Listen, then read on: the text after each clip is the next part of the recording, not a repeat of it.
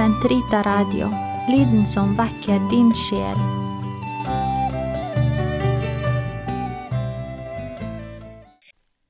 I dag vi andra del av samtalen med Hans eminense kardinal Anders Arborelius, OCD, biskop i Stockholms katolske bispedømme.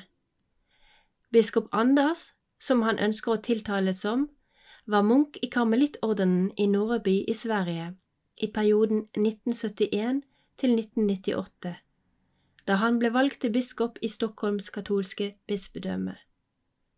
Han har vært en kjær retrett og foredragsholder også etter at han ble kreert til kardinal 28. juni 2017, som den første fra Norden noensinne.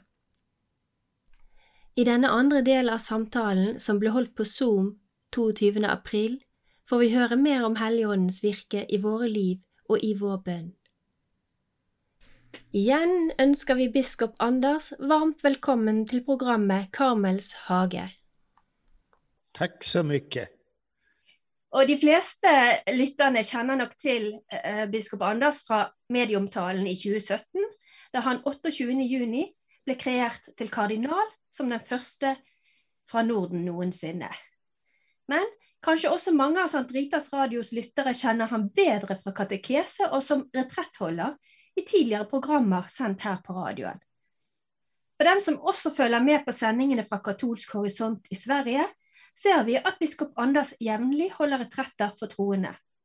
Der snakker han ut ifra den spiritualiteten som han kjenner så godt fra sine år som munk i karmelittorden i Norraby i Sverige. I perioden 1970 til 1998. Det stemmer, det? Det stemmer, ja. Ja.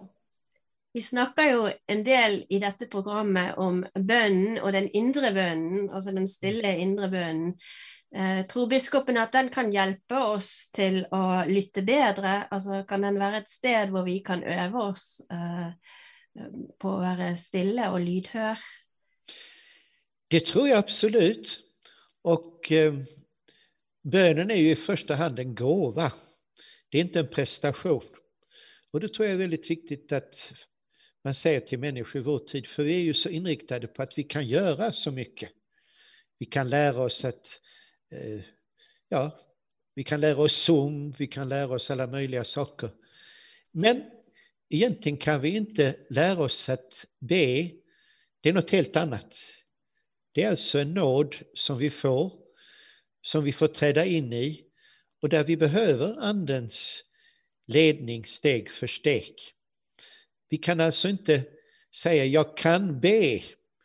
Därför brukar jag när någon säger och jag kan inte be, vad bra, säger jag. Då blir de lite arga på mig. För vi kan inte be som vi kan skriva maskin eller skriva en avhandling i fysik. Det är en helt annan dimension. Utan varje ögonblick i bönen är ju en gåva och en nåd. Att ta emot Gud just här och nu. Och då vet vi ju att vissa ögonblick gör vi inte det, det bara flyter förbi. Men har vi då tid för inre bön, då skulle jag säga då är det alltid några ögonblick som vi öppnar. Ja. Kanske de flesta ögonblicken tycks ganska tomma, men också tomheten är ju ett sätt att bli uppfylld av Guds fullhet. Alltså anden kan förvandla alla inre sinnestillstånd till bön. Och det är det vi ser i Psaltarpsalmerna, också vår vrede, också vårt uppror.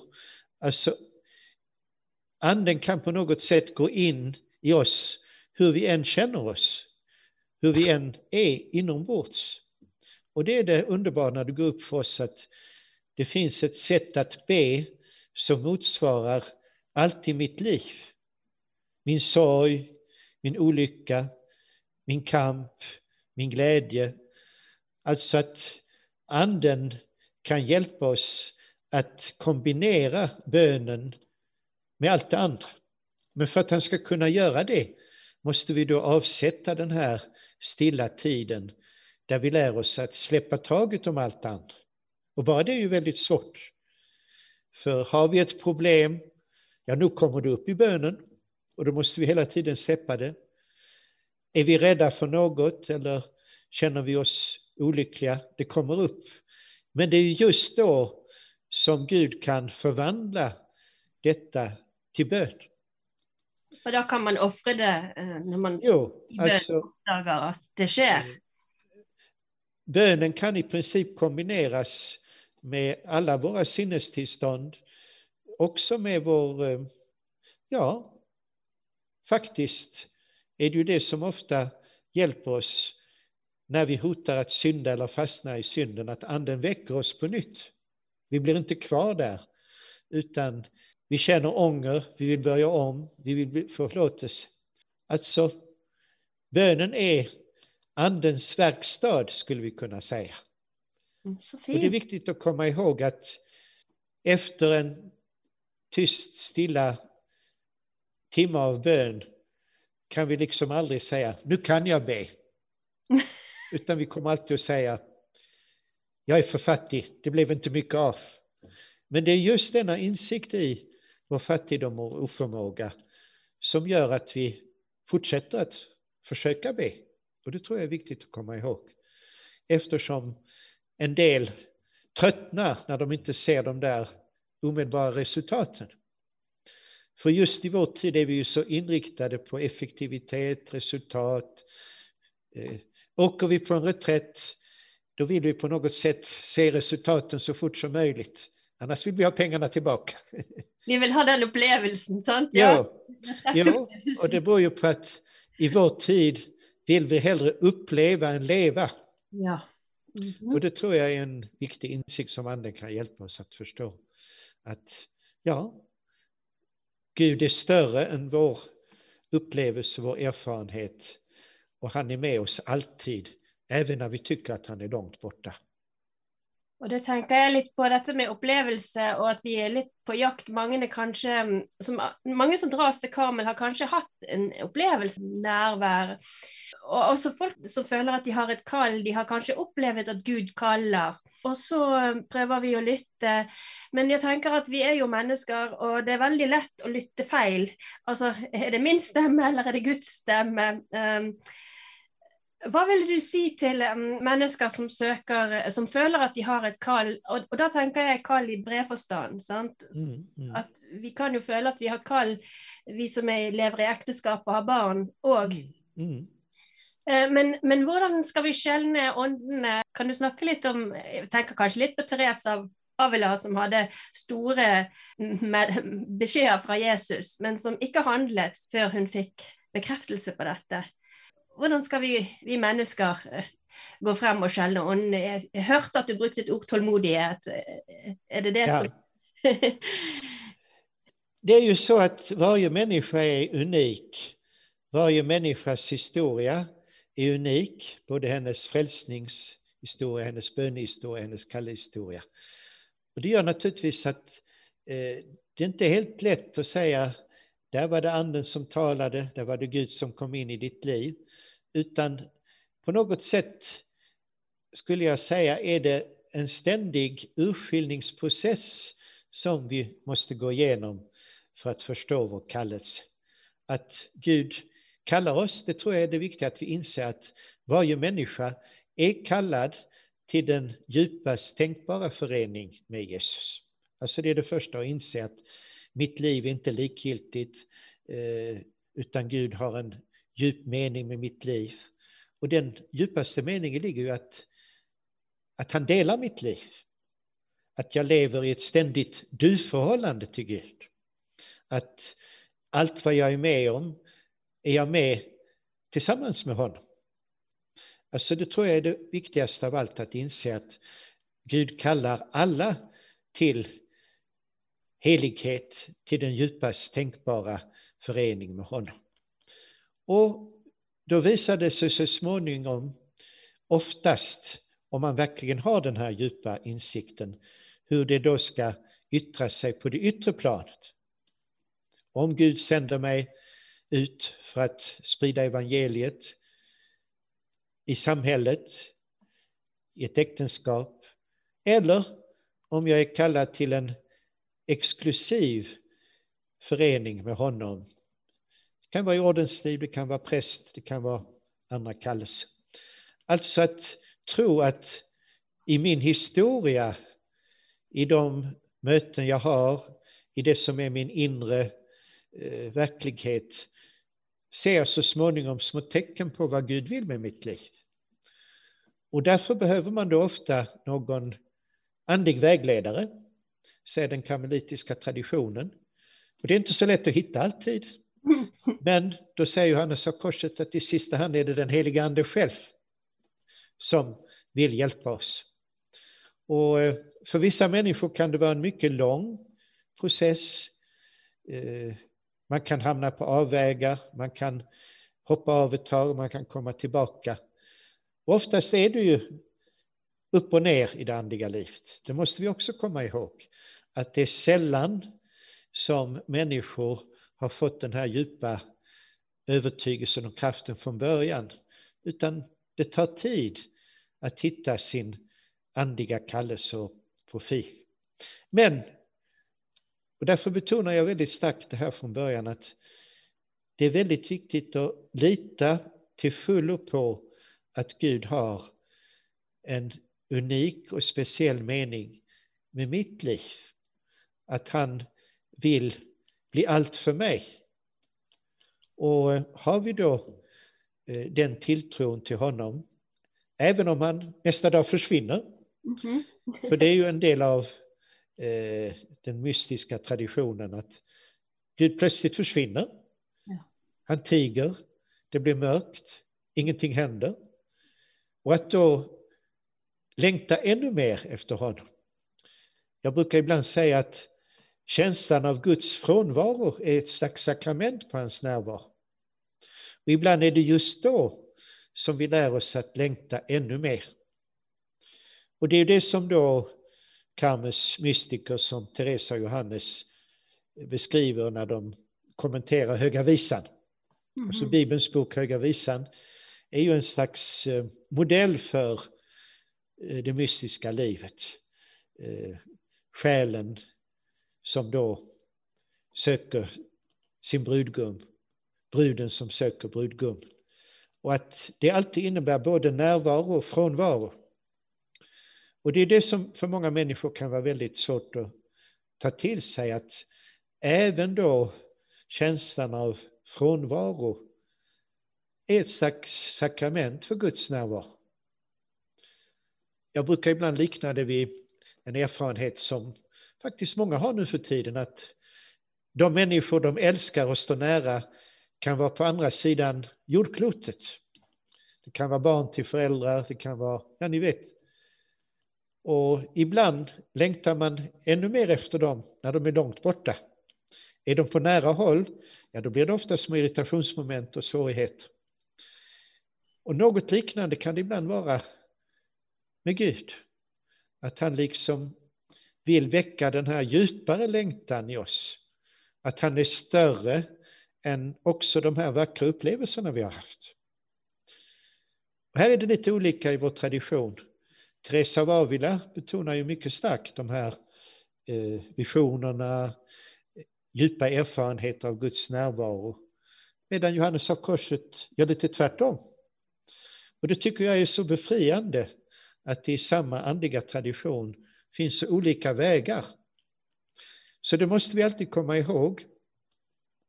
Och den engelska karmelitnunnan har sagt att det finns två sorters människor på den andliga vägen. Light on och light off. För vissa lyser ljuset, Gud är närvarande hela tiden, han strålar i vårt liv. För andra är det bara mörkt, tråkigt, ingenting händer. Och naturligtvis får vi lite av varje, men det kan också vara bra att tänka efter. Vilken profil har jag? Är jag mer en människa som ser, förstår, känner? Eller är jag mer då den torra ökentypen? Det kan naturligtvis också växla under livets gång. Men eh, det är viktigt att komma ihåg att Gud är större än våra kategorier. Och ett böneliv som är ganska torrt, händelselöst, lite tråkigt kan ibland föra oss närmare Gud än de stora känslorna. Jeg sitter og tenker litt på lille Teresa Lucheux og hennes lille vei. Og Ja. dette med å være hjelpeløs og ha tomme hender. Og Ja. det er vel kanskje det natten hjelper oss til å skjønne, at vi er helt hjelpeløse, og vi trenger Gud. Eh, Altså, det med tilliten i, det, i hjelpeløsheten. Og Ja. Nej, men det tror jag är en väldigt viktig insikt som lilla Therese har formulerat och därför är hon också så älskad av allt slags människor. Att vi behöver inte ha stora andliga upplevelser, vi behöver inte, utan vi förstår i vår bräcklighet och fattigdom inför Gud och ta emot honom med våra tomma händer. Och, och det gör hon ju också för gudsförnekarnas skull. Och det tror jag också är en viktig sak att komma ihåg att i bönen står jag inte ensam inför Gud utan jag står för de andras skull. Det är också ett väldigt tydligt eh, eh accent i karmens spiritualitet. Att eh, vi är där för kyrkans skull, för själarnas skull, för människornas skull. Teresa reformerade ju orden i första hand för att hjälpa kyrkan i en tid av splittring och svårigheter. Och det tror jag är viktigt också att tänka om man har, om man har ett ganska, ja, vad ska vi säga, lite torrt, tråkigt böneliv. Jag är i alla fall där för de andras skull. Jag får offra de här stora känslorna och upplevelserna. Utan bara stå där med tomma händer tillsammans med alla de andra som längtar efter Gud men kanske ännu inte har hittat vägen till honom. Alltså det väldigt viktigt att ha det här perspektivet som vi kallar det heliga samfund, heligas gemenskap. Att vi har gemenskap både med de stora helgonen, de stora mystikerna, men också ja, med syndarna. Att på något sätt får vi stå där för deras skull och komma ihåg att vi också är syndare i behov av Guds nåd och förlåtelse. Så i bönen kan vi upptäcka väldigt många spännande insikter faktiskt, också när det inte händer någonting. När vi, som Teresa av Avila sa, under 20 år, när jag satt i bönen längtade jag egentligen bara efter att klockan skulle slå, det var slut. Det Ja. låter ju inte så heroiskt. Men på något sätt tror jag att det förvandlade hennes hjärta till ett ännu mer kärleksfullt hjärta. Og da er det jo ikke meningsløst, disse, disse tidene som kan oppleves som litt sånn Nej, Fordi at de bygger eh, Jeg tenker at de 20 årene til Tere- til Teresa, de bygget jo Teresa eh, til det hun var, selv om hun ikke gjorde alt det hun skulle hele tiden. Eller, sant? Altså, nej, det er Altså- viktig alt vi gjør eh, for kirken. ja. Nej, alltså jag tror att det visar oss på något väldigt viktigt att Gud handlar i oss även när vi inte märker det. Mhm. Bara vi står där till hans förfogande, bara vi fortsätter att leva vårt böneliv, vi fortsätter att gå till mässan. Ja, nu längtar folk mer till mässan, men ibland när de är där tycker de är tråkigt. Alltså att vi fortsätter att ja, gå i Jesu fotspår, även om vi inte ser några stora resultat eller våra böner tycks bli, inte bli hörda. Alltså det som man på latin kallar perseverantia. Och Teresa av Avila talar på spanska om determinada determination.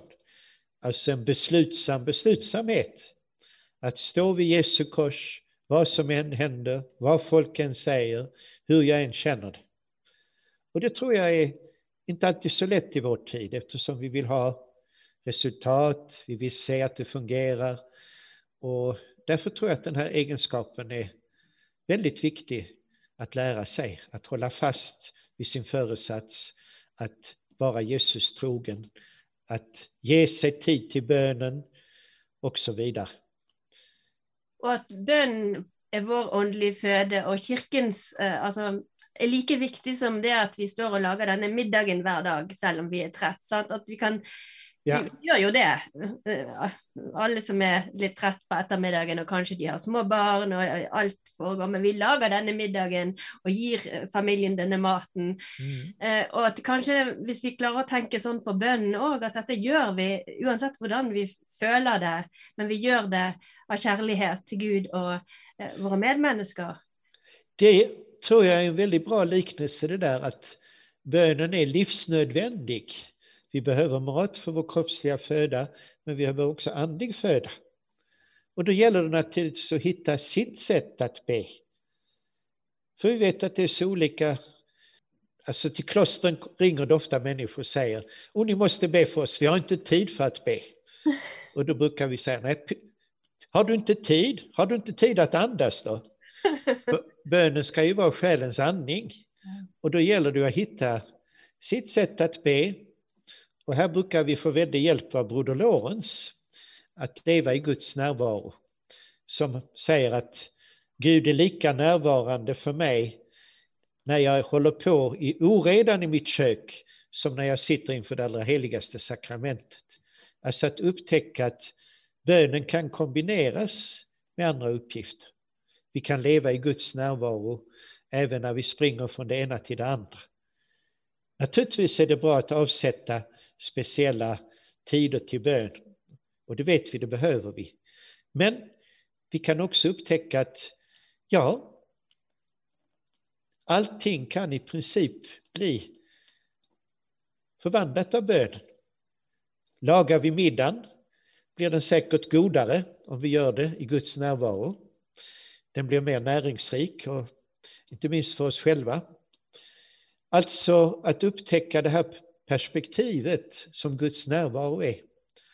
Jag kommer ännu ihåg som novis när jag kom till klostret, apostolant var det kanske först, och skulle få den här undervisningen i bön. Och då var det Wilfrid Stinesen som hade det.